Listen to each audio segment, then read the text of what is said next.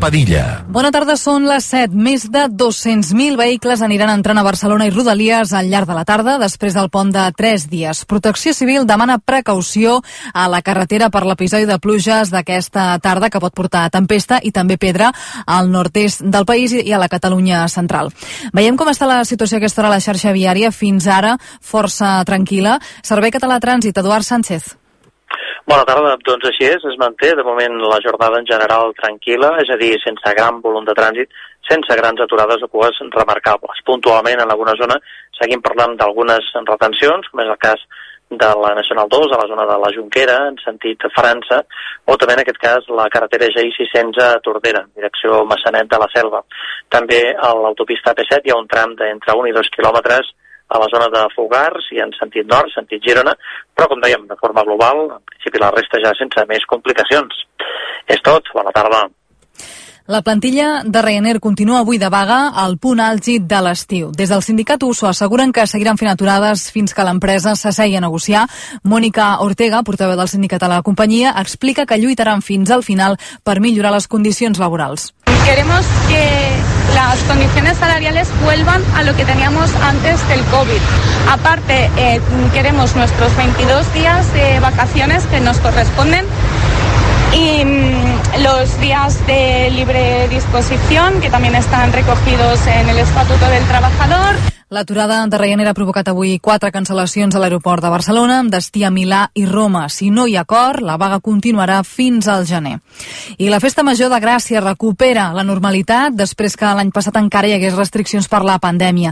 També tornen les cues per poder veure els guarnits d'aquest any. Avui és el primer dia i a carrers on les cues són especialment llargues, com el del Progrés, transformat en un parc d'atraccions, o el de Verdi, dedicat al Quixot. També crida l'atenció al carrer Fraternitat de Baix, amb la Caputxeta Vermella i el Llop com a protagonistes, i el de Lluís Vives, amb Snoopy. Allà hi ha la Tina Forest. Des de primera hora del matí ja hi havia gent fent cua per poder veure els carrers guarnits. Tant visitants com organització tenien moltes ganes de tornar a viure unes festes de Gràcia amb normalitat. Ho ha explicat a rac la presidenta de la Fundació Festa Major de Gràcia, Lina López. Teníem moltes ganes de tornar a la normalitat, trobar-nos novament, perquè dos anys d'aturada han fet que moltes comissions no estiguin amb, amb, amb tota la seva capacitat. Ens ha costat molt engegar motors, amb la qual cosa l'expectativa és molta. Aquest any hi ha programades unes 900 activitats en plats forts com la Cercavila, que ha començat avui a les 6 de la tarda, o diferents concerts programats com el Poni Pissador, Doctor Prats o l'Ildami, entre d'altres. El dimecres se sabrà qui serà el guanyador del concurs de carrers guarnits entre tots els participants. I ara els esports.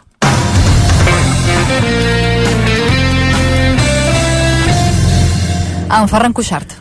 Àlex Collado jugarà a l'Elx aquesta temporada. El migcampista arriba al conjunt il·lícita cedit pel Barça sense opció de compra. El Barça femení, Laia Codina, és baixa per l'Amos Cup degut a unes molèsties al quadríceps. Seguint en futbol, en aquests moments hi ha partits en directe a primera i a segona divisió. A primera, Atlètic Club de Bilbao 0, Mallorca 0 i a segona, Oviedo 0, Andorra 0. Els dos partits al minut 74. Més tard, a dos quarts de vuit, tindrem un Getafe Atlètic de Madrid i a dos quarts de deu un Betis Elx per tancar la primera jornada de Lliga. En directe també tenim tenis a l'ATP de Cincinnati, Bautista ara mateix perdent un 7 a 0 en joc al segon contra l'argentí Cerúndolo. A l'europeu de natació, fa uns minuts, Jessica Valls ha quedat vuitena a la final de 200 metres braça. D'altra banda, Pau Ribas i Emma Garcia han aconseguit la plata en el duel mixta tècnic de natació artística i pel que fa als europeus d'atletisme de Múnich, han arrencat avui amb dues medalles per a la de delegació espanyola. A la prova femenina, la selecció espanyola ha obtingut la medalla de plata en la classificació per equips i a la masculina s'han dut el bronze per equips. En amb dues curses, el millor resultat ha estat obtingut per atletes catalans. Adam Lamdassen ha quedat sisè i Marta Galimany, onzena. I el temps acabarem el dilluns amb ruixats molt més locals al Pirineu i a la Catalunya central, però de nit i matinada se'n reproduiran de nou, sobretot cap a les Terres de l'Ebre i la Costa Daurada, on poden ser intensos i acompanyats i anar acompanyats de tempesta. Demà de bon matí farà més fresca que avui a l'interior i al Pirineu, però a les grans ciutats de la costa es mantindrà l'ambient xafogós. Res més per ara, us deixem amb apartaments Hawaii i tornem amb més informació d'aquí una hora.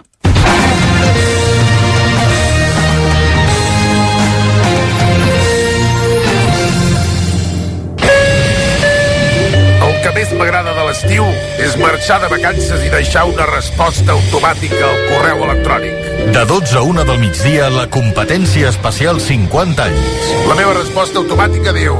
Aneu a prendre pel sac. Un programa que no passarà la història... Però us farà companyia. Que vinc jo a molestar a l'estiu.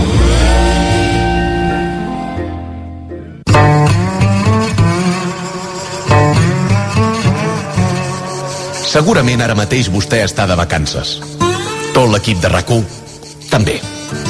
L'últim de marxar de la redacció ha estat un guionista que ha robat un tàper d'ensaladilla de la nevera. Un cop arribat a peu de platja, l'ha obert i s'ha donat que el director de l'emissora hi havia deixat un pòstit on deia Si estàs llegint això, enhorabona. Ets el presentador dels vespres d'estiu. El nostre protagonista ha decidit no renunciar a les vacances i enregistrar els programes des d'un apartament en un punt indeterminat de la costa catalana. Potser no és cap estrella. Potser no ho fa en directe. Però a l'empresa li ha sortit molt bé relació qualitat-preu. Benvinguts als apartaments Hawaii. Amb Marc Bala. Ei, Marc, mira, mira, he, he, he compost una cançó, tio. Aviam, aviam. Mira, fa així.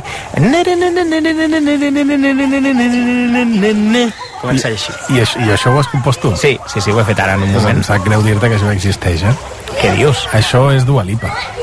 Sí, sí, això és? Dua Lipa. Bueno, o, o podria ser una altra cosa, també. t'anava a dir que, que, que sí que m'ho havia copiat, no t'ho havia dit, però m'ho havia copiat d'un tema del Miguel Bosé, jo. Don Diablo. Vaja. Tu sí que en saps de plagis, eh, musicals? Doncs mira, avui parlarem de plagis, si et sembla.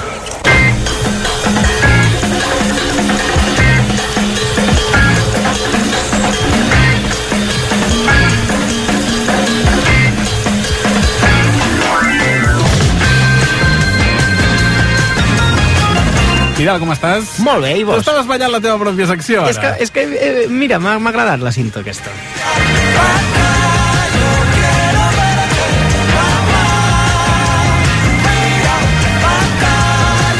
Clar, si ve un músic professional a l'estudi i productor com el Vidal Soler, doncs clar, té traçat triant sintonies. I les coi és així. Sí, sí. Avui- Avui... Aquesta la vaig triar una mica pensant en tu, eh? Que Sí. a tu t'agrada aquesta cosa de rock latino... Maraquero. A mi m'agrada tot el que sigui maraquero, tio. Però es, to es toques les maraques o No no? les toco, però m'agrada escoltar-les. Bueno, ja sabeu què regalar-li pel seu aniversari, al Marc. Avui vens a parlar-nos de plagis. Sí, de plagis o de coincidències, eh? I M'agrada dir que parlarem de, de divertides coincidències. Divertides coincidències. Com saps, el món es va crear també a partir d'un accident, d'una coincidència, d'una casualitat. Sí. Doncs avui parlarem de casualitats, de coincidències en el món de la música. Llavors és allò que, que són coses que han acabat a, a judici, moltes? o, o són... hi haurà o no? històries, hi haurà històries darrere d'aquestes coincidències que a vegades poden ser accidentals també, perquè com sabem en la música occidental només disposem de 12 notes, de 12 sons diferents Clar. i les combinacions doncs són finites no, Això no és veritat. no, vull dir que a vegades faràs una cosa que sonarà una altra o estaràs repetint eh, fórmules T'ha passat a tu com a compositor de, de tenir uns acords, una melodia i dir eh, més val que no la faci servir perquè ara crec que s'assembla massa a una altra A cosa. vegades, a vegades. A vegades, eh, una cosa recurrent és que a tu et sembli que és alguna cosa que tens en el subconscient, però en realitat no ho és. Com, bueno, hi ha la història mítica que el McCartney, quan va fer Yesterday, ell pensava que s'ho estava copiant d'algun puesto o altre, i al final no. Al final va resultar que era seva. De moment ningú li ha reclamat res. Bueno, i si no, van una mica tard ja, eh?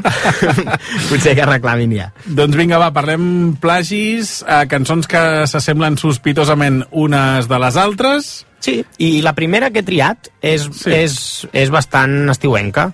O sigui que he pensat, posa, posa la primera, que aquí, amb, després d'aquesta cinto aquí a Hawaii, als apartaments Hawaii, eh, ens anirà bé per al, pel caloret. I és uh, Surfing USA dels Beach Boys, la coneixes segur? Oh, i tant. I la posem. If everybody had an ocean across the USA, then everybody be surfing like California. You'd see them wearing their baggies, Warachi sandals too, a bushy, bushy blonde hairdo, surfing USA. You'll catch them surfing at Posem-nos en situació. Això és el... Quin tamarro, eh? Sí, tamarro, tamarro indiscutible, això és indiscutible. 1963, això vol dir que no hi ha Shazam, no hi ha internet, no hi ha Google. No hi ha o sigui, tu no, tu no pots comprovar si una melodia recorda alguna cosa. He de pensar que ve amb una mica de trampa aquesta similitud, però l'explicarem després. Ara escoltarem un tema uh, d'uns anys anteriors, si no m'equivoco, del 1958. O sigui que m'estàs dient que aquesta del Surfing USA no és tan original com sembla? T'estic dient que és un plagi, però després ho desenvoluparem. És un plagi de Chuck Berry, que és un dels mestres de la guitarra, un dels inventors del rock and roll, i com que és una cançó que ja tenim bastant al cap, si et sembla, escoltem la de Chuck Berry, que es diu Sweet Little Sixteen, i fa així. They're really rocking in Boston and Pittsburgh, PA, deep in the heart of Texas and around the Frisco Bay,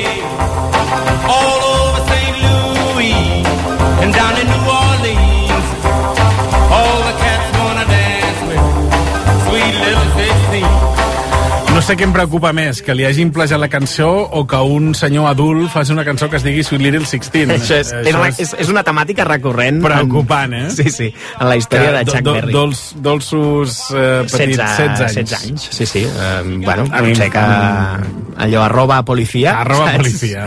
Anem al tanto, anem al tanto. Doncs el que volia dir era que, que és evident que és, estem parlant de la mateixa cançó, no, no, no hi ha cap mena de dubte, tant per la melodia com pels acords, com per la idea. Podem escoltar el principi d'aquesta cançó? Un altre cop i després posem els Beach Oh, Boys? bueno, sí, escolta Vinga, aquí va. el que sona. They're really rocking in Boston and I Pittsburgh, ara, PA. la dels Beach Boys. If everybody had an ocean Home. Vale, ara anem a desvetllar la trampa, vale? El tema és que si investigues descobriràs que Chuck Berry apareix acreditat com a compositor de la música. Però, ojo, alerta, Ai, ai, ai, ai, alerta, ai. que diria aquell, alerta, perquè surt acreditat com a compositor de Surfing USA, no de Sweet Little Sixteen. Per tant, és un plagi, però és un autoplagi de la seva pròpia cançó. Què vol dir això? Que va poder Ah, això cobrar m'ho has d'explicar, això m'ho has d'explicar. o sigui, el Però... tema és que el Brian Wilson li va dir al Chuck Dels- Berry ei, dels ajuda'm a Beach fer un Boys." tema. Exacte, el líder dels Beach Boys li va dir al Chuck Berry ajuda'm a fer una cançó nova, un hit, no sé què, i el Chuck Berry va dir "Xt, mira, per aquí, t'ensenyaré una cançó que no has sentit mai, que Ah. fliparàs. Va agafar una cançó que ja tenia feta, li van posar entre el Brian Wilson i el Mike Love una, una lletra sobre, bueno, sobre surf i, i Estats Units, que és de lo que canten els Beach Boys habitualment. Per tant, l'autor I- original es va plagiar a ell, A ell mateix. com és, deies tu. És un plagi, sí, però és un autoplagi. Es va plagiar a I ell fins quin mateix. punt et pots plagiar tu mateix? No ho sé, Fins però mentre, mentre soni la, o sigui, mentre et vagin pagant drets per partida doble, tu, mm, tenim molt per aprendre de Chuck Berry, d'alguna manera, eh? Escolta'm. Pacific Palisades, inside, outside U.S. San Onofre inside, outside U.S. Redondo Beach, L.A. inside, outside U.S. All over La Jolla, outside U.S. At Waimea Bay, inside, outside. Everybody's gone surfing, surfing USA. El que és indiscutible és que són dos tamarros com dos cases de pagès. Uh, les dos, Sí, les sí, dos no, indiscutiblement. Ara fotrem un salt de 30 anys per plantar-nos als 90s, que hem parlat poc dels 90s aquí, jo crec. Sí? No, no hem posat massa música I dels això 90. que som dels 90, nosaltres. No? Sí, sí, sí, fills dels 90s. Víctimes dels 90, diria jo. Uh, els Nirvana, en plena explosió del grunge, van, van treure un disco que va ser clau per, per posicionar-se al capdavant del mainstream d'aquella època i bueno, nosaltres som potser quan anàvem a l'institut érem més grans però sí que te'n recordes de que anàvem tots allò amb la samarreta llarga, de màniga llarga i la de màniga curta Hem sobre... de dir a l'audiència que anàvem junts a l'institut. Sí, sí, sí, sí. de... I anàvem tots, eh, això, o sigui... Bueno, tot el teu entorn de, de música Sí, sí, de gent que guitarres escoltava era gent, Nirvana. gent que escoltava Nirvana, gent que escoltava Pearl De fet, Jam... els ser més joves solien ser germans petits que els seus germans grans escoltaven Nirvana. Sí, sí, és la idíl·lica història dels 90, Sí, sí. la història de qualsevol persona dels anys 90. O sigui que, com que sabem que, que estàs familiaritzat eh, amb aquest grup, no et pillarà per sorpresa aquest riff que ara escoltarem.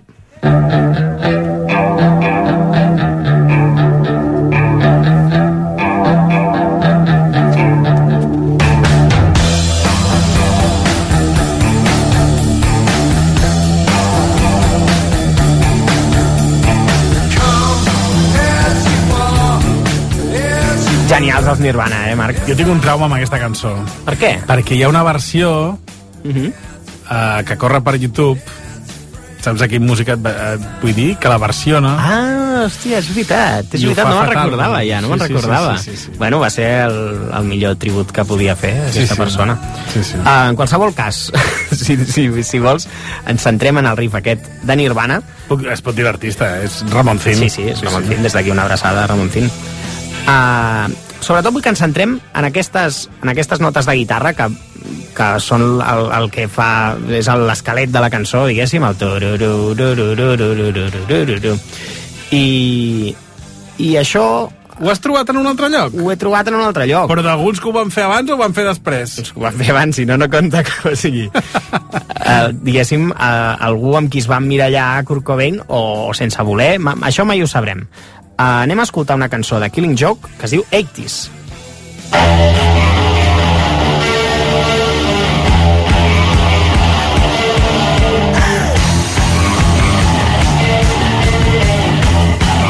Un moment, un moment. Això és Killing Joke amb una cançó que es diu 80s? Això és Killing Torna Joke. a posar Nirvana, aviam com sona.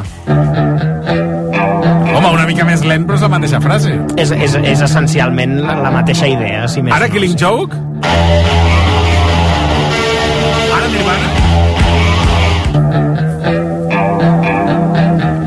Sí, li canvies la velocitat i és la mateixa frase. Correcte. El tema és que... Ara Killing Joke?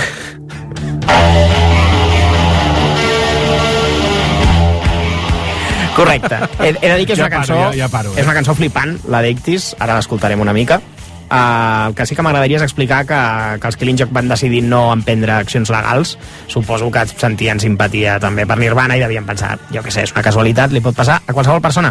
Lo divertit és que més endavant han, han tremat una amistat amb el Dave Grohl, que fins i tot toca amb ells en un Dave dels Grohl, seus bateria discos. de Nirvana. Sí, correcte. Amb un dels seus discos uh, més moderns, de Killing Joke, i toca la bateria i, i suposo que tot ha acabat en un en un... En un bonic... Sí, eh, un no? bonic desenllaç. Una, Sí, sí. Com es diu això? Quan, acaba, quan un judici acaba bé, amb un, amb un parte amistós. Ah, no, això és quan xoquen, els, quan xoquen dos cotxes.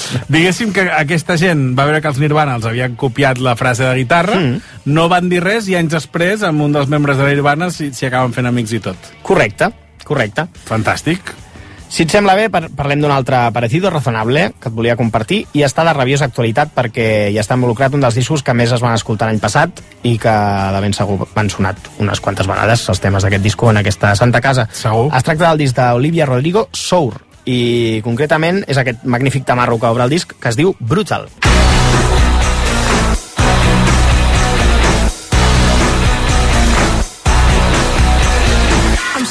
He de dir que el disc aquest em sembla una meravella, vull dir, està molt ben fet, eh, entra allò la mar de bé. Sour d'Olivia Rodrigo. Sí, aquesta és la cançó Brutal i sobretot vull que ens centrem en aquest tururururururu perquè la primera vegada que ho vaig sentir vaig pensar hòstia, això em sona, això em sona, això ja ho he sentit en alguna banda i coi si ho havíem sentit en alguna banda és del Elvis Costello, de- d'un artista Home, que hem escoltat home, i tant. milions, milions de vegades Elvis Costello and the Attractions. Eh, And the Attraction, sí, sí.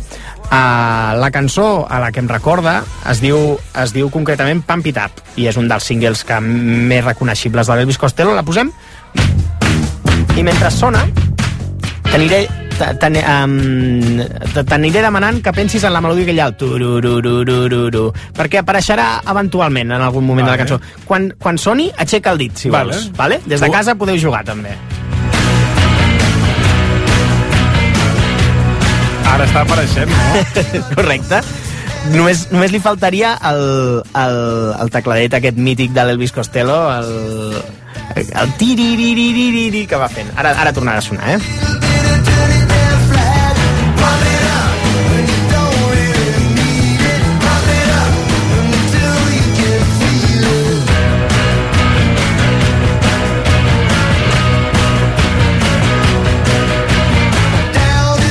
Penses, això? És un plagi o una coincidència? Que, que, tu què creus? Mira, fa unes setmanes vam parlar dels samplers. Mm. És a dir, aquells motius musicals que agafaven d'una cançó per posar-les a les altres.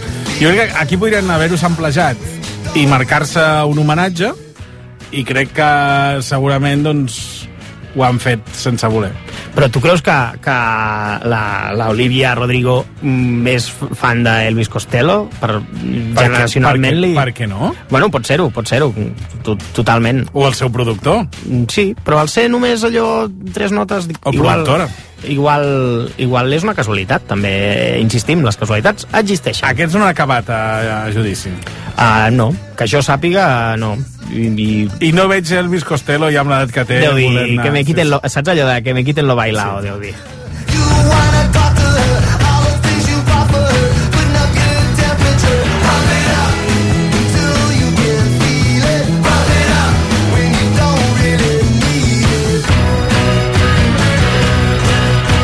Home, és que és difícil no repetir-ho perquè s'enganxa, eh? El tun, tun, tun, tun, tun, tun, tun, i que està bé muntar un tema a partir d'això. Uh, si, és, si és plagi o coincidència, ho deixarem en mans de l'audiència, que ho decideixin com a jurat popular, i també ho preguntarem amb aquesta obra magna del rock català, que probablement us soni perquè és un dels videoclips més comentats de la nostra M'estàs indústria. dient que anem ara a un plagi català? Sí. Home, això Bueno, pot sacsejar... Presumpte, sempre presumpte, eh? Presumpte, sempre, sempre plagi. presumptament. Um, uh, probablement en Sony, perquè és un dels videoclips que més han comentat de la nostra indústria musical, ja que s'assembla... Uh, és, és, bueno, hi ha qui diu que s'assembla a una altra cançó, que ara, ara comentarem, i a mi em fa gràcia el videoclip perquè és com si Buñuel i Albert Serra s'haguessin fumat mm, quelcom i haguessin dirigit un videoclip pels carrers de Barcelona. Això és un dels greatest hits de la carrera de Gerard Quintana, de Gerard Quintana que, que em perdoni des d'aquí, en solitari, que es diu Barcelona en colors. Flors d'agost, fulles noves i cançons. La ciutat és un tresor per mi tot sol.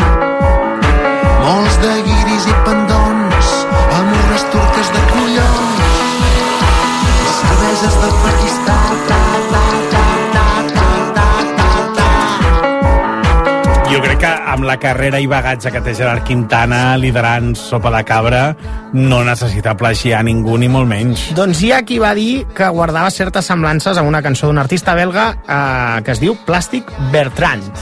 I fa així. On s'installe, j'ai sur mon lit à bouffer sa langue en buvant grand mon whisky. Quant à moi, peu dormi, vie débris, mais j'ai dû dormir dans la gouttière où j'ai eu un flash. Home, eh, jo no sóc expert musical, però li trobo una semblança. No sé si està fet expressament, si és un plagi involuntari o presumpte plagi involuntari. Pot ser un homenatge, també. Pot ser un homenatge. Hi hauria qui, qui digui que és un homenatge. Aviam, podem tornar a escoltar l'original? Sí, i tant, si ho demanes. De, sí. de Gerard Quintana? Sí, sí. Flors d'agost, fulles noves i cançons. La ciutat és un tresor per mi tot sol.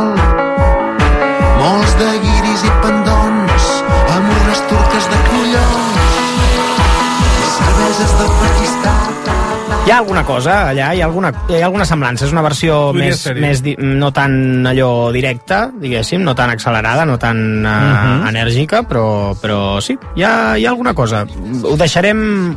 Que la- l'audiència que sàpiga cadascú que de- des de casa cadascú seva tregui les seves pròpies conclusions, eh? Eh, no estem aquí per, per, per explicar, o sigui, per... Uh, Per jutjar ningú. Per jutjar ningú, correcte. Gràcies, gràcies, Marc, uh, per treure'm d'aquest jardí.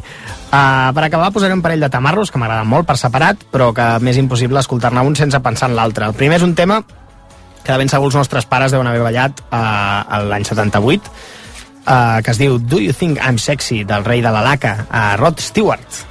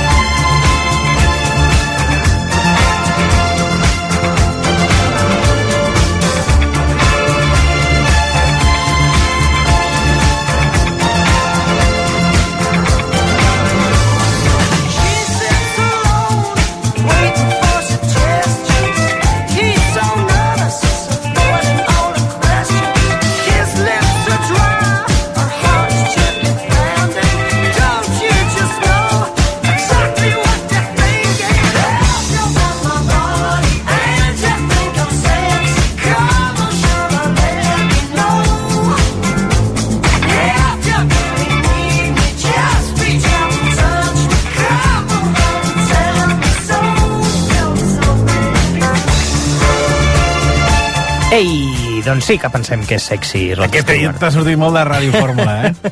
No, però ell, ell pregunta, creus que sóc sexy? Doncs sí, sí que pensem que és sexy. Sí, sí, ens ho pregunta, doncs responem. Com sexy ens sembla també aquesta cançó de 1972, eh, sis, sis anys abans, de Jorge Benjor, que és un artista brasiler bastant, bastant conegut allà, bastant, bastant papino, uh, que li va fotre una denúncia per, per, per plagi en el seu moment.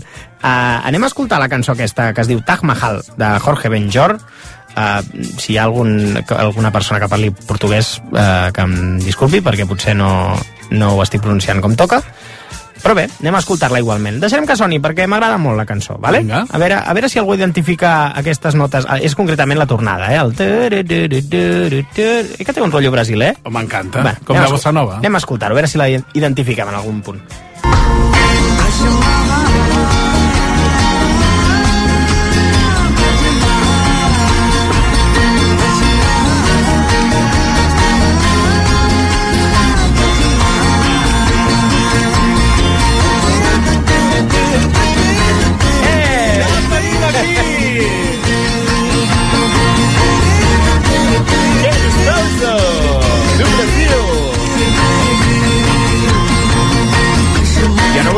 Però aquí hi ha algú que ha anat de vacances al Carnaval de Rio de Janeiro i ha tornat allò amb un souvenir, amb un estribillo de regal, diguéssim. Amb una tornada de, una del tornada, Brasil, eh? amb una tornada del Brasil. I aquest senyor potser és en Rod Stewart. Potser, jo, jo no, no diria res.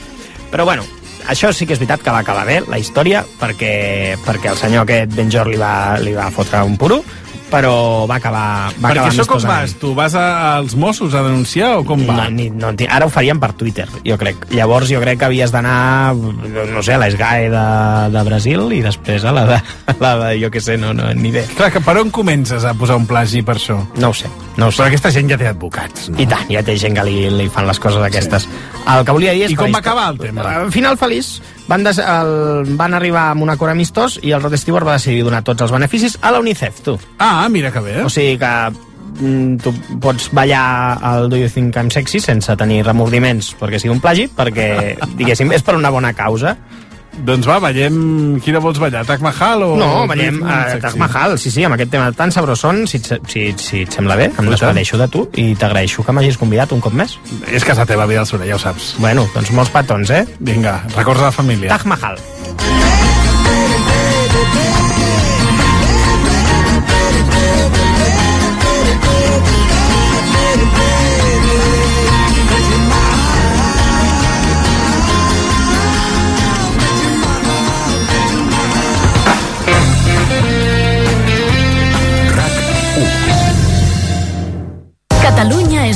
de meravelles. Ens ajudes a trobar-les? RAC1, La Vanguardia i Mundo Deportivo organitzen el concurs fotogràfic Les 7 meravelles de Catalunya. Participa publicant la teva fotografia en Instagram al costat de la seva descripció i l'etiqueta coixinet 7 meravelles de Catalunya. Entre totes les fotos sortejarem un iPhone 13. Participa!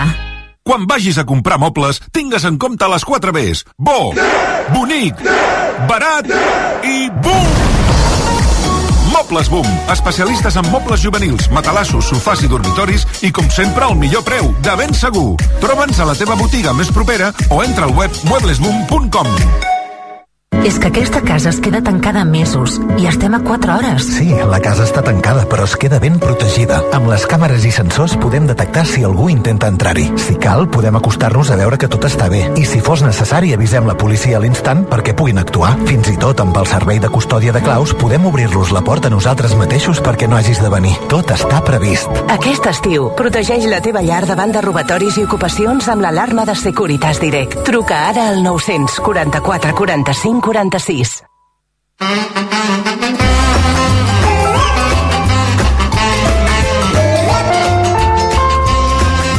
Apartaments Hawaii els informa que tot seguit projectem un dels millors moments de rac Els preguem que no entrin amb les xancletes mullades. Gràcies.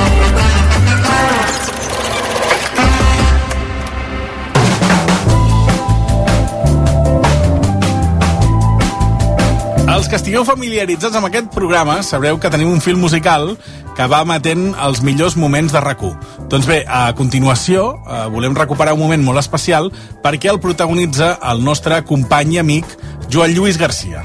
De fet, aprofitem per enviar-li una abraçada molt forta, que tenim moltes ganes que torni i el trobem molt a faltar. Doncs precisament feia una secció sobre la trinca, que ell és, és un gran coneixedor del tema, parlant de la cançó de Baró de Videt, i això ho feia el Via Lliure. Recuperem aquest moment. Au, vinga, vinga, vinga, arriba la trinca, trinca, trinca per salvar la humanitat. Hola, Joan Lluís Garcia. Bon dia. Avui haurem d'haver portat el de, pràcticament el de festa major. Sí. No? Perquè, Ah, en certa manera, oi? És veritat. Un descans, eh, per tu? Sí, havia Sí, el, escoltat el de festa major, molt. i tant. Cada estiu sonava un cop sencer al meu cotxe. Sí? Sempre, sempre, te la sabria dir tota. Mira, jo el tinc ara al cotxe actualment. Ah, sí? Sí, sí, sí. Que sí. estàs fent uh, adoctrinament infantil? Eh, una miqueta, una miqueta. I és, és d'aquests que vas en bucle, en bucle, en bucle. Bé, en tot cas acaba el curs a les escoles, s'ha acabat aquest divendres, Sí. també acaben les classes de repàs Sí, de la Ah, trinca. Oh. 24 de juny ja és una bona data com per anar retirant-se. Almenys per aquesta temporada. Ja, va, això ja També és veritat sí, que aquestes això coses ja passen. Que la temporada passada havia d'arrencar i no sé si va arrencar al gener. Vull dir que hi ha fitxatge d'hivern, no? Tu, tu saps el que va passar a la tardor en aquest país? Sí, és veritat. Ah, home, no estàvem per trinques. Bé, ja ho sabeu que el, el Joan Lluís Garcia eh, li agrada venir a il·lustrar-nos una mica, portar una mica de, de llum, a fer classes de repàs a través de la trinca de conceptes que tenen a veure, vaja, amb la, hem vist amb l'economia, amb la història, amb la geopolítica, Sí, senyor, amb la comunicació. amb la comunicació, debat social, Sí. eh, bé, qualsevol aspecte, perquè la, la trinca ho porta tot, és com la gran enciclopèdia catalana. Absolutament. Pots agafar un volum i t'ho explica tot. I de fet avui farem una mena de dos per un, la secció que, que, que aquí us uh, ho porto, un, perquè té un doble vessant pedagògic. D'una banda mirarem de capbussar-nos en un dels episodis de la història contemporània més importants, i de l'altra mirarem de desmuntar el que tot apunta que és una identitat falsa. Ui. Encara no ho podem afirmar, D'acord? però tot apunta que Estamos acabarem... trabajando en ello. Estem en ells. Eh, És un dels objectius d'aquesta secció avui. I ho farem amb una de les que és, sense cap mena de dubte, doncs, de les cançons més famoses Ara, ara. La trenca. Oh!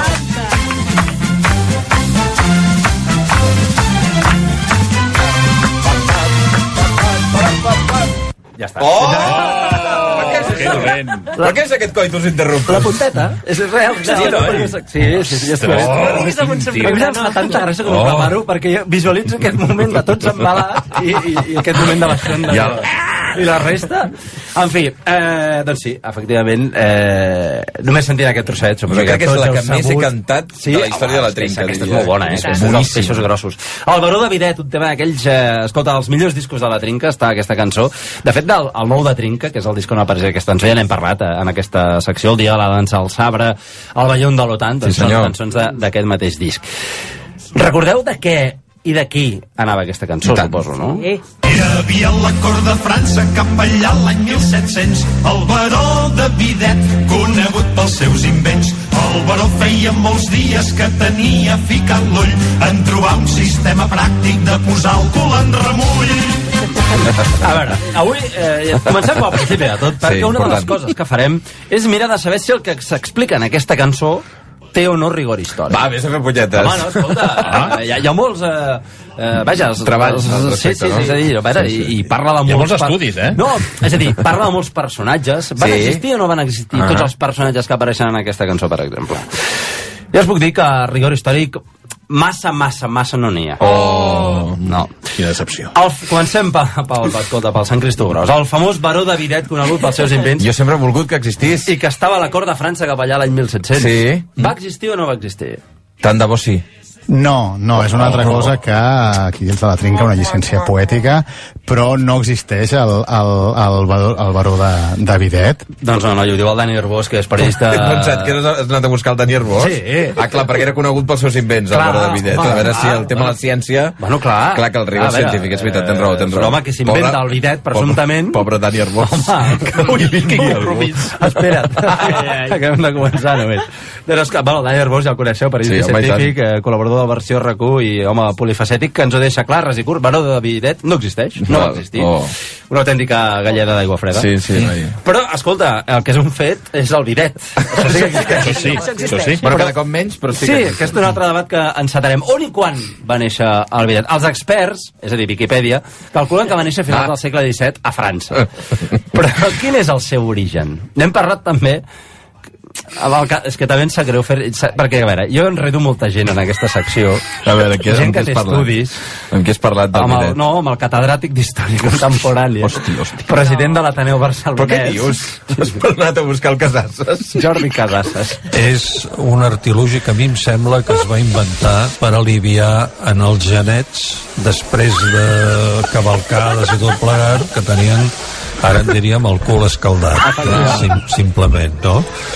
i després és clar es va anar utilitzant més per la- aquesta higiene eh? i es va convertir en una cosa importantíssima Jo no sé si aconseguirem moltes coses a través de la, de la secció, però, però eh, jo crec que és un mèrit absolut que el president de l'Ateneu Barcelonès digui per la ràdio cul escaldada. Sí. Em sembla eh, que és un mèrit. Un Mentre mèrit. de fons se senten uns ocellets i uns operaris eh, fent obres al costat de l'Ateneu. En fi, una cosa importantíssima, deia el que ha arribat fins als nostres dies, això és cert. De fet, la paraula bidet prové, no sé si sabíeu, del francès bidet. Bueno, Bueno, no, però sí. francès, no? Bueno, Suposo. no sé, sí. Fi, és igual, un bidet, jo no sabia, és un cavall... Però allò, a veure, una, una cosa, Juan, eh. és que tu no pots dir eh, bikini prové de la paraula bikini. No, però... M'explico? Si ho hagués fet en castellà, el bidet Ah, sí, ah, ve de la Ah. paraula francesa bidet. Clar. Jo sé que potser Clar. porta més confusió. Ja, ja, ja, ja. Un bidet eh, és un cavall petit i de la bo, en francès, eh, és un cavall eh, petit, eh, -huh. entès, i l'invent, eh, això, que no, no, no va inventar el baró, rep el nom per la posició en què Mm. l'usuari s'hi asseu. O sigui, És a dir, realment és literalment dels genets, diguem. No? Exacte, és a dir, aquesta posició és arrencada, doncs van dir, escolta, li direm bidet. Aprofitant per, per aquest tema, que he parlat amb, amb l'Arbós, li he volgut preguntar també pels millors invents, o si més no, aquells que per ell han representat un abans i un després en la humanitat. Però ell... seriosament. No, no, home, ah, tota aquesta secció és tota seriosa. Veritat, veritat. Veritat. Ell m'ha destacat tres d'invents. Sí. Si no tinguéssim el llenguatge, doncs, home, aquesta capacitat de comunicació no la tindríem. El mètode científic, doncs, això per saber això, si, si una cosa és, és correcta o no, i la impremta per difondre tot aquest coneixement. Aquests serien, com podríem dir, els tres, els tres grans eh, invents de la humanitat. Ha quedat molt bé, l'Arbós ha quedat estupendament. bueno, Una resposta eh, impecable. El llenguatge, el mètode científic i l'impremta. Bueno, trobo molt indignant, però que el bidet no aparegui en aquesta terna. No hi ha el bidet i no hi ha les, les olives farcides d'anxova. Ah, no, perquè oh, un, super un, d'acord. un científic ha de tenir molta imaginació Sí. i ha de tenir una persona curiosa, però la primera persona que va agafar una oliva i una anxova, perquè més, si tu t'hi fixes, Sí. una anxova no hi cap dintre una oliva. No, correcte. saps? Tu dones per fet que tu sempre tota la vida has tingut olives farcides d'anxova, però qui va ser el primer que va considerar que aquestes dues coses podien anar juntes, no? I això és molt important perquè és, bueno, així és com se ge- generen noves coses, tant a la cuina, no?, rotllo Ferran Adrià, però que gent provant coses impensables és com ha trobat doncs, grans avenços de la humanitat, no? Sí, senyor, escolta, és una reflexió molt interessant. Però jo no hi havia pensat mai, però efectivament Ah. algú ha de pensar que has de Clar. fer un forat Clar. a l'oliva, treure-li Ah, el clar. pinyol i posar-hi un peix que no hi cap a l'interior. Però, I per què aquest I després peix una i no un tapa. altre? I una tapa perquè no Clar, no tapa, s'escapi l'anxova. que- Que, que l'anxova està morta, no marxarà.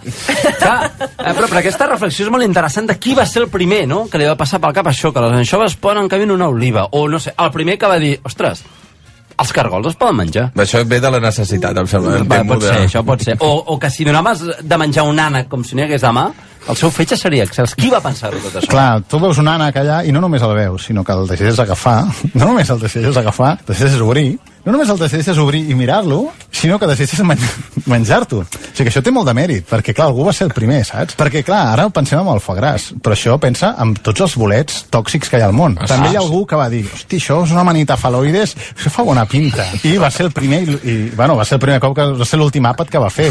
Clar, si són, és com un Hall of Fame dels sacrificats de la història. Sacrificats, Una miqueta, no? Jo sempre hi he pensat en els pobres dels bolets, Sí, sempre. noi. En fi, Álvaro de Videt, eh, com ho va fer ell per arribar al seu descobriment? Quin va ser el seu mètode científic? Passejant-se per Versalles va trobar la inspiració. Veient uns ànecs sucant el cul a un sortidor i va exclamar l'estranger Eureka, je l'he trobat Sei joli, rajolinet, que les oques Toni pica, si la pica en una pica, mantindrà le pompis-net. És de les millors frases que recordo amb un, un francès impossible. Mantiendrà le pompis net.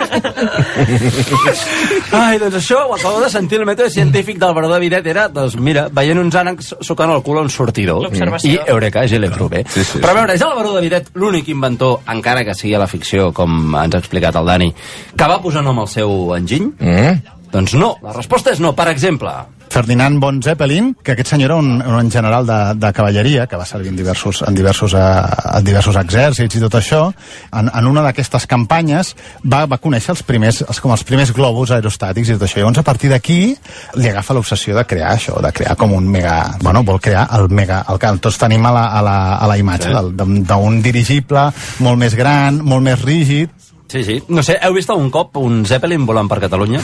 No, oi? No, no, no. la Primera Guerra Mundial es va fer servir molt. Sí que després es va veure com a, a veure, allò passa desapercebut, passa desapercebut, un Zeppelin no passa, no? Llavors, com a arma a la guerra, potser no és la millor eina. I després també va haver-hi, després, posteriorment, un, un accident, llavors, a, a, a partir dels, dels anys 20-30, sobretot els 30, es va deixar de, es va deixar de- d'utilitzar. El Hindenburg. Molt bé, escolta, eh, Oh, formatget, Blai. eh, marró de- d'història. Ha après, eh, ha après al llarg d'aquesta- de- d'aquestes Sí, senyor. de Sí, la senyor. A l'aeroport Això vol dir de- que serveix per alguna És cosa. el- El, el, tip, el típic alumne repel·lent. Sí, senyor. El.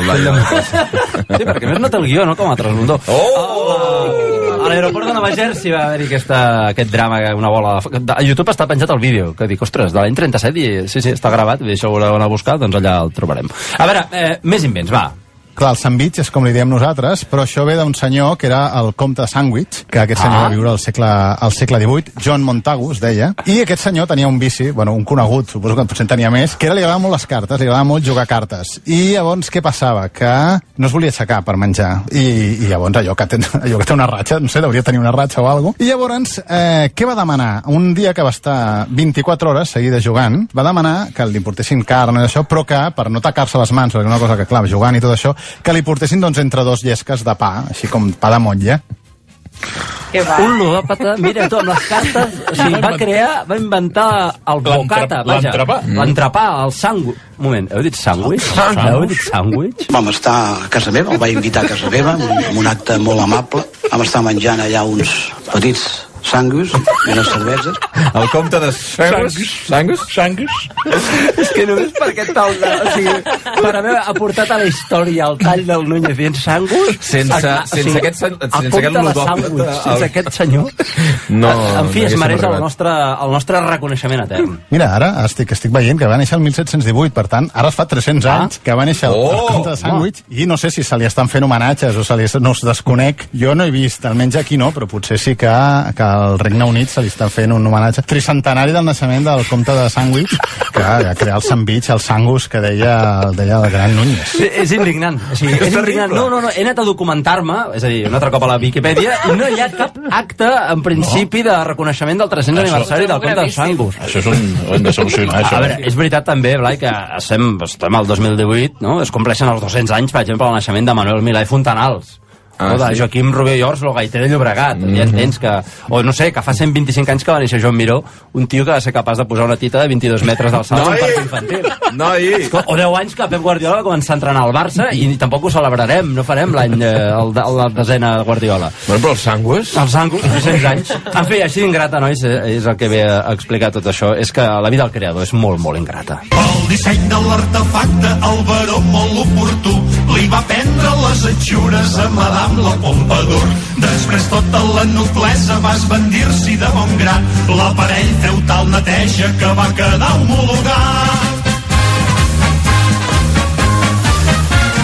Però envejós el populatxo també volia l'invent. Per poder-s'hi estranyinar asseguts còmodament. I amb tota la camarilla van a prendre la bastilla. Eh! Sí, això és com va començar la Revolució Francesa, bàsicament perquè la gent volia el seu bidet. O sigui, la gent cridava pel carrer, volem bidet! Volem bidet. Bé, no, no, no, no va començar així, és una llàstima. Hauria estat un bon motiu, eh, també t'he de Sí. La Revolució Francesa, ara sí que ve més la part eh, de classe d'història, eh? Sí. Esteu atents. És el canvi sociopolític més important del segle XVIII. Eh, va començar perquè, resumint, eh, el 3% de la població de França tenia el 97% dels recursos, és a dir, hi havia la monarquia, entre ells Madame la Pompadour, que sí que va existir. Oh! era, una, era, una, era un amant de, del rei, uh -huh. la Madame la Pompadour, que es coneixia com tot plegat eh, el primer estat, eren la, el que era la monarquia. La La llavors hi havia el clero, que era el segon estat. I podríem dir que entre uns i altres, doncs això, s'ho ventilaven tot. I llavors hi havia la resta, és a dir, els burgesos, els de les professions liberals i tot el populatxo, que seríem nosaltres, i que no pintaven massa res. I aquests últims van dir prou i van poder demostrar d'una manera empírica que el rei, en aquest cas Lluís XVI, a diferència del que ell mateix deia, no era pas un representant de Déu a la Terra. sobretot el coll del rei, eh, que va quedar bastant girat perquè el que s'havia fet era assassinar, segons, és clar, les monarquies tradicionals, a un rei d'origen diví, que la monarquia era d'origen diví. I sobretot perquè es feia en un país molt important, eh? perquè si s'hagués fet en un lloc apartat, potser no hagués tingut tant ressò. Clar, hem de pensar que París en aquell moment era, era el centre del món. Resumint d'una manera molt bèstia 15 anys de la història de França, podríem dir que la Revolució Francesa consisteix en canviar l'antic règim, aquest rei d'origen diví, per un de nou en què la burgesia doncs, tallarà el bacallà recolzant-se quan li interessa amb les masses populars, és a dir, el populatxo, és a dir, una miqueta com avui en dia, Sí, eh? dir, és on som. Sí. I tot amb el suport intel·lectual de Rousseau, Voltaire i Montesquieu, que són una miqueta els que munten allò de la il·lustració, amb les idees com el contracte social, la raó, la igualtat, la llibertat, i també una altra manera de relacionar-se amb el poder. ¿Qué es que sé ese merder? Preguntava la noblesa, la revolució francesa, què és que vos avez pensé? Oh. Jo, jo vull pensar que hi va haver-hi aquesta frase. Sí, pot ser. M'encantaria. No, no hi ha testimonis gràfics que ho neguin. digués que és que sé, se merder. I que algú respongués la revolució francesa. Que és que vos Que pensat. és- De fet, el rei li van acabar tallant el cap. Ai, el cap, sí, bueno, el cap, sí, sí, anava a dir el coll, però és, fet i fet és el mateix. Juntament amb la seva dona, Maria Antonieta, quan fugien de França cap a Àustria. Mm. Havia vist, de fet, ell com la monarquia d'origen diví s'havia convertit en una mena de monarquia constitucional en què la sobirania re requeia en la nació i no pas només amb ell. I clar, això diguéssim que no li va acabar de fer el pes. Ara bé, els dos van tenir la mala sort o no, no ho sé molt clar, a veure que, com ho veieu vosaltres, que fossin coetanis d'un tal Joseph Ignace Guillotin. Oh, el seu Mala sort, també. Mala sort que caiguessin en aquell moment. Conegut entre els seus amics com a doctor, doctor Guillotin, bueno, era doctor, era metge, i Mm. era doctor Guillotin, no? Un creador que també va donar el nom al seu invent. El que sí que va existir va ser el, el senyor, el doctor Guillotin, que és d'on ve el nom de, de guillotina. Ell estava en contra de la pena de mort i va demanar que, que s'adoptés aquest mètode perquè considerava que era el, el més humà i menys dolorós, però ell ho veia com un primer pas perquè s'abolís totalment la condemna de mort. I llavors es va popularitzar amb el seu nom, però fins i tot després la, la seva família va demanar que es canviés el nom de la guillotina. I no els hi van fer cas, i llavors es van haver de canviar el nom perquè, clar, tothom els associava amb aquell invent. A veure, diguéssim que Era no... un pacifista, el tio. Sí, sí, clar, ell el que volia fer era, escolta, eh, si hem de matar la gent, és a dir, si les hem de...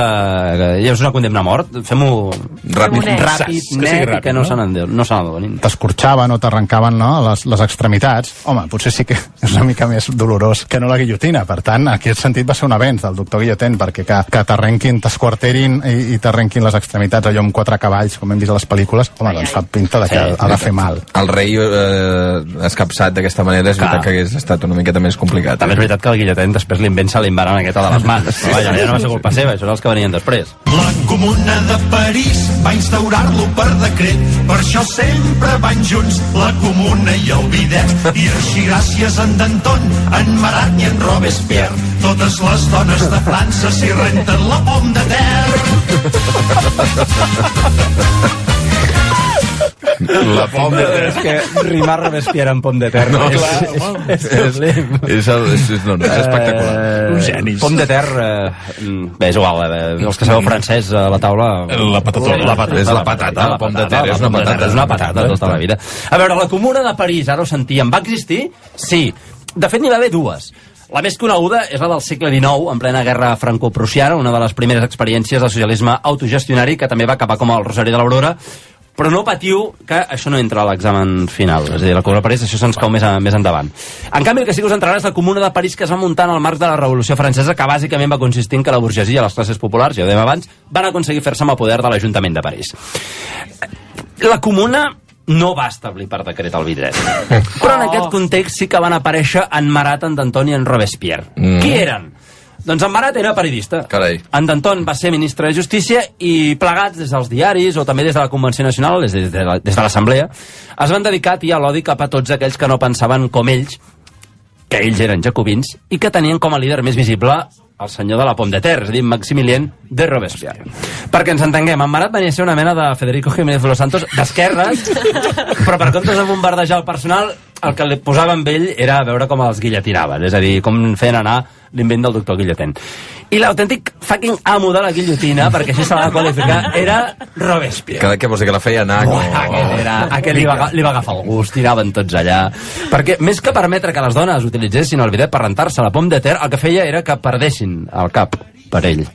No sé, Host, quina broma. Tira, tira, tira, tira. Milers de persones executades per qualsevol cosa, per qualsevol denúncia, per qualsevol història i una mica eh, la idea aquella del populatxo, diguéssim, em- embogit una mica de- d'aquest festival, diguéssim, tan dur i els propis jacobins es van espantar se'ls hi va anar de les mans i van acabar executant en el Robespierre Sí, nois. Qui no li ha passat, això, oi? Sí, se li va anar de les mans, Robespierre, eh, guillotinat, eh, Danton, guillotinat, Marat va morir d'una deien que es va suïcidar, però també, vaja, tot apunta que també se'l van treure de mig. És que és això, que li, tu li agafes, eh, comences a guillotinar, a guillotinar, li agafes el gust I i, llavors se, se picant. te'n va de les mans el tema. I el baró amb aquest invent es va fer tan important Foie Gras o el marquès de Croissant. I així va passar la història del bidet cap a la glòria. Han sortit dos entrepreneurs més, eh? Oh, sí, sí, sí, sí, el sí, comte sí. de Foie Gras i el marquès de Croissant. Digue'm que sí, va. Va, quin creieu que siga Sisplau. l'agustí i quin no? N'hi ha un dels dos que sí? Pot ser. Té pinta de foie gras. eh? Foie Gras? Sí. Sí, va, Sí, vostè- sí, No, jo no el veig de No, no, eh? res, no. Dani, què? Aquests van existir o no?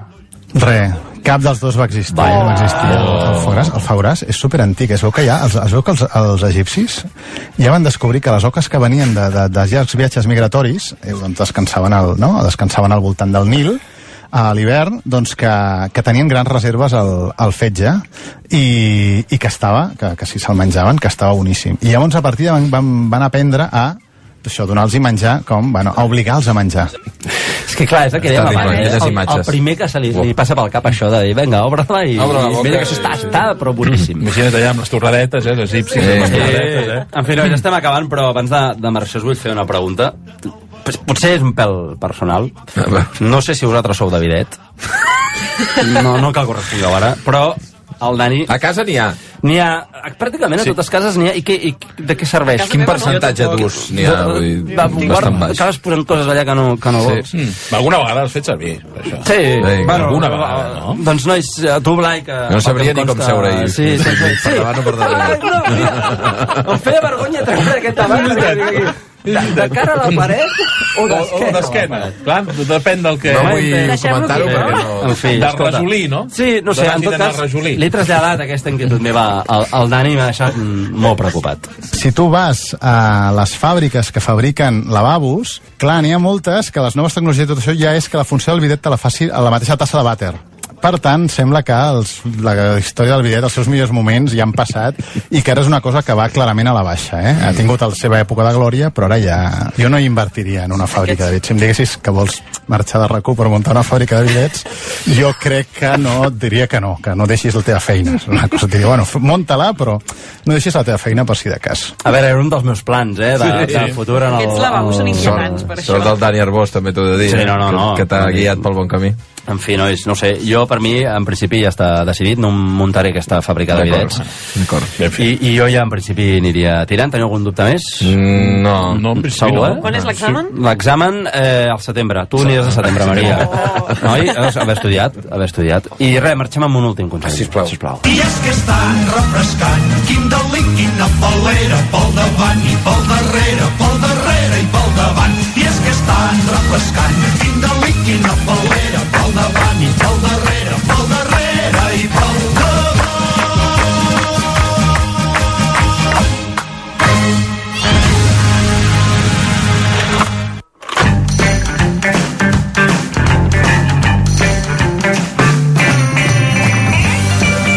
cert, us recordo que aquí als apartaments Hawaii tenim la nostra pròpia trinca, que són els Arribar i Ploure, que combinen música i humor, els tenim els dilluns, però com que avui és divendres el que podem fer és posar una cançó del seu repertori. Tenen una història molt shakespeariana titulada Tomeu i Angeleta. Escolteu ben bé la lletra d'aquest duet format pel Ricard Ferrer i l'Àlex Pujols. Aquesta història conta un amor que no nasqué a Verona, va passar a Girona. M'enamora. Primer amor és tan bonic, formós, bufó, preciós, gentil, graciós, fervent, vell, dolç, brillant i tendre, però pot acabar amb tragèdia.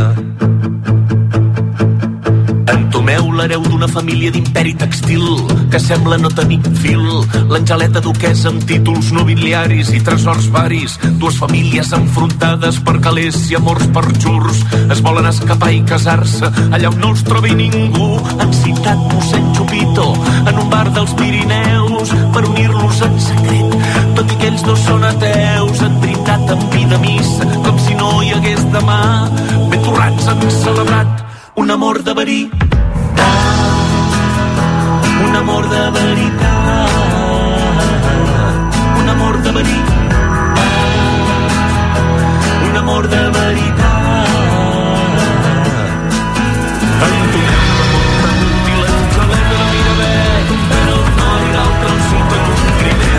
que potser serà el darrer L'endemà al matí no se'n recorda ni del casament. De moment tot va malament. L'Angeleta no es desperta, en Tomeu té una ressaca de Déu. Ell es pensa que està morta pel que li van fotre el got. En culpa mossèn Xupito i li clava un cop d'esclop i amb dos morts a la consciència en Tomeu no vol seguir viu. Es veu totes les ampolles, fins i tot les de lleixiu.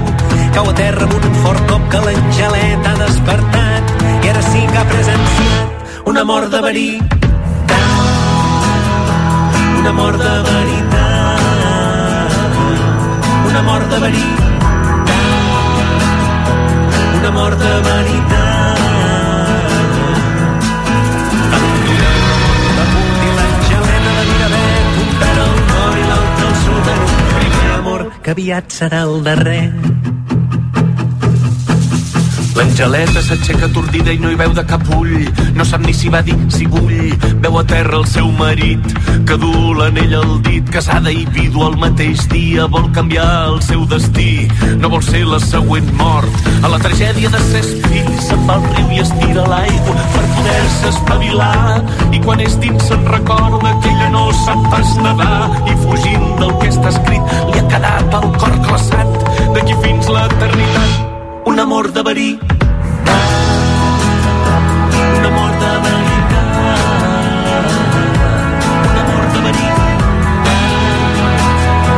un amor de un amor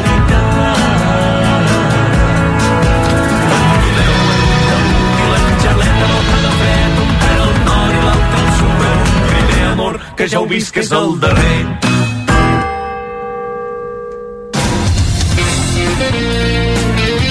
RAC1 RAC més 1 Podcast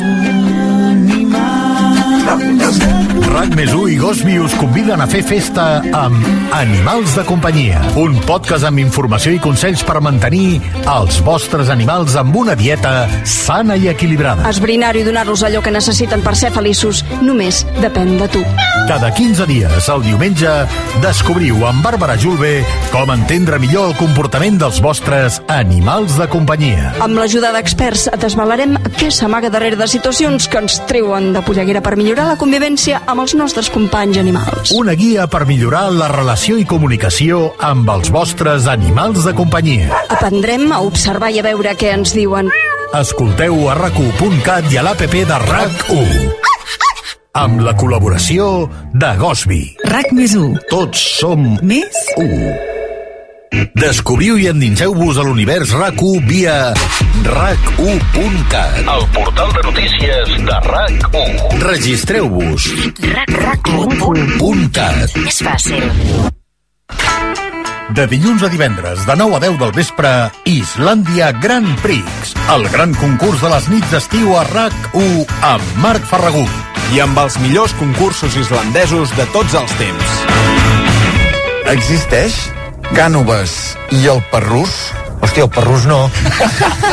Home, seria molt ben parit que existís el Perrús, eh? Color de les pàgines que no fa tants anys consultaves si volies trobar el telèfon d'algun negoci. Blanques. Negoci. Dos grogues. De dilluns a divendres, de 9 a 10 del vespre, Islàndia Grand Prix.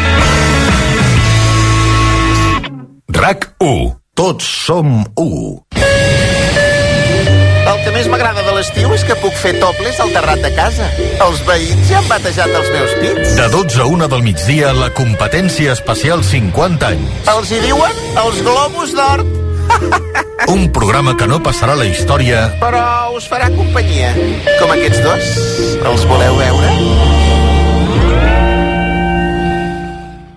RAC1.cat. Recupereu tot el que sona a RAC1 a RAC1.cat.